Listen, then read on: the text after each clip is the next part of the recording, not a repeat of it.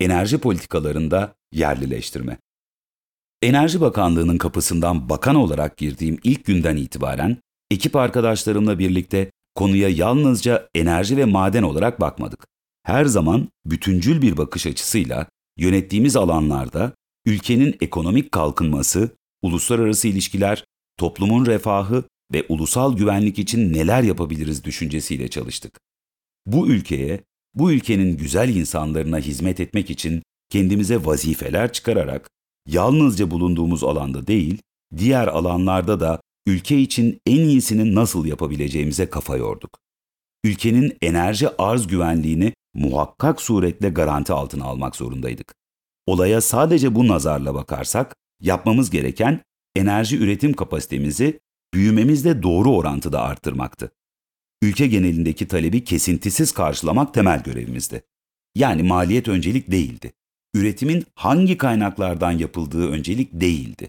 Öncelik vatandaşımız düğmeye bastığında doğal gazın ya da elektriğin o anda alınmasıydı. Sadece bunu yapmak işin en basit tarafıydı. Sonuçta fiyatlar karşılandığı sürece her yatırımcı Türkiye'de elektrik üretim tesisi kurma ve işletme noktasında isteklidir. Ancak dediğim gibi bizim en hassas olduğumuz yaklaşımlardan biri planlama ve çalışmalarımızı ülkenin kalkınmasına, refahına, güvenliğine, geleceğine, istihdama, katma değerli üretime, dünya ile rekabet edebilme kapasitesine yaptığı katkıyı en yukarıda tutacak şekilde yapmaktı. Yenilenebilir enerji alanındaki yaklaşımımız bunun en güzel örneğidir. Yenilenebilir enerji kaynağı dediğimizde konu tamamen yerliymiş gibi görünebilir. Fakat karşımızdaki tablo aslında çok farklıydı. Kaynak yerliydi ama üretimi sağlayacak tesis ve ekipman ithal ediliyordu. Burada ilginç bir denge var. Kullandığınız teknoloji ve ekipmanın yurt dışından gelmesi size yurt dışından elektrik almanıza benzer bir maliyet üretebiliyor. Belki yenilenebilir kaynaklardan enerji üretmek için doğal gazda olduğu gibi ham maddeyi ithal etmiyoruz ama üretim için gerekli olan tesisi ithal ediyoruz. Örneğin rüzgar enerjisi santrallerini düşünelim. Bu tesislerin çalışması için gerekli olan rüzgar maliyeti olmayan bir kalem. Ama rüzgar enerjisinden elektrik üretmek bedava diyemeyiz. Çünkü yatırımın geri dönüştürülebilmesi için en az yatırım miktarı kadar bir gelire ihtiyaç var. Bu ekipman ithal olduğundan gelirin büyük bir kısmı ithalata ve dış finansman varsa bu yatırımın finansmanı için alınan kredinin ödemesi için yurt dışına gidiyor. Yani sonuç olarak yenilenebilir, yani kaynak bedava diye düşündüğümüz bir üretim alanında katma değer ülkemizde kalmıyor, yurt dışına gidiyordu. Bir kaynağın yenilenebilir olması o kaynaktan yapılan üretimin ekonomik açıdan yerli, milli olarak nitelendirilmesi için yeterli değil. Güneş ve rüzgar yerli ve yenilenebilir kaynaklar ancak onları elektriğe dönüştüren teknoloji tamamen ithalse siz üretimde ithalata kaynak ayırıyorsanız o elektriği üretmek ithal etmekten çok da farklı olmayacak. Yenilenebilir kaynakların yerli ve milli olarak nitelendirilebilmesi için elektriği üreten teknoloji ve ekipmanı da yerlileştirmeniz, bir ölçüde ülkenizde üretmeniz gerekiyor. Ülkelerin bugün bu teknolojilere sahip olması yetmiyor.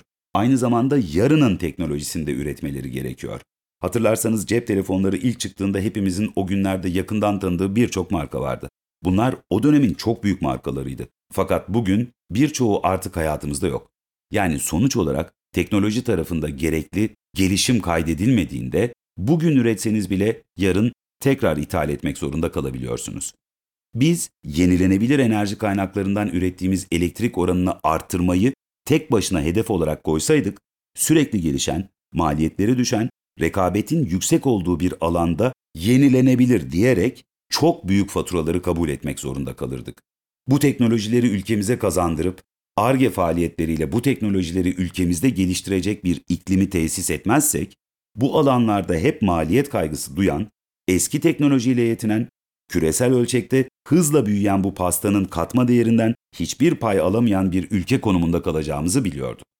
Bunu bildiğimiz için perspektif değişikliğine gittik ve yatırım açısından rekor sayılabilecek bir sürede %75 oranına kadar yerli güneş paneli üretebilecek ve ihraç edebilecek bir kapasiteyi ülkemize kazandırdık.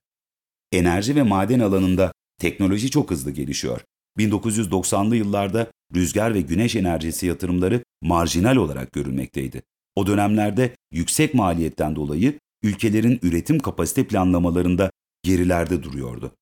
Teknolojik gelişmelerin getirdiği verimlilik artışları ve yatırım maliyetlerindeki azalmayla rüzgar ve güneş enerjisi artık dünya enerji piyasalarında temel kaynaklar arasında yerini almaya başladı. Bu teknolojilerdeki ilerleme belirli alanlarda hızlı bir şekilde devam ediyor. Özellikle depolama, batarya alanında kat edilecek çok mesafe var. Tüm teknoloji şirketleri de bu alana yatırımlarını arttırdı. Bu alandaki yakın zamanda elde edilecek gelişmeler enerji sektörünün yönünü belirleyecektir.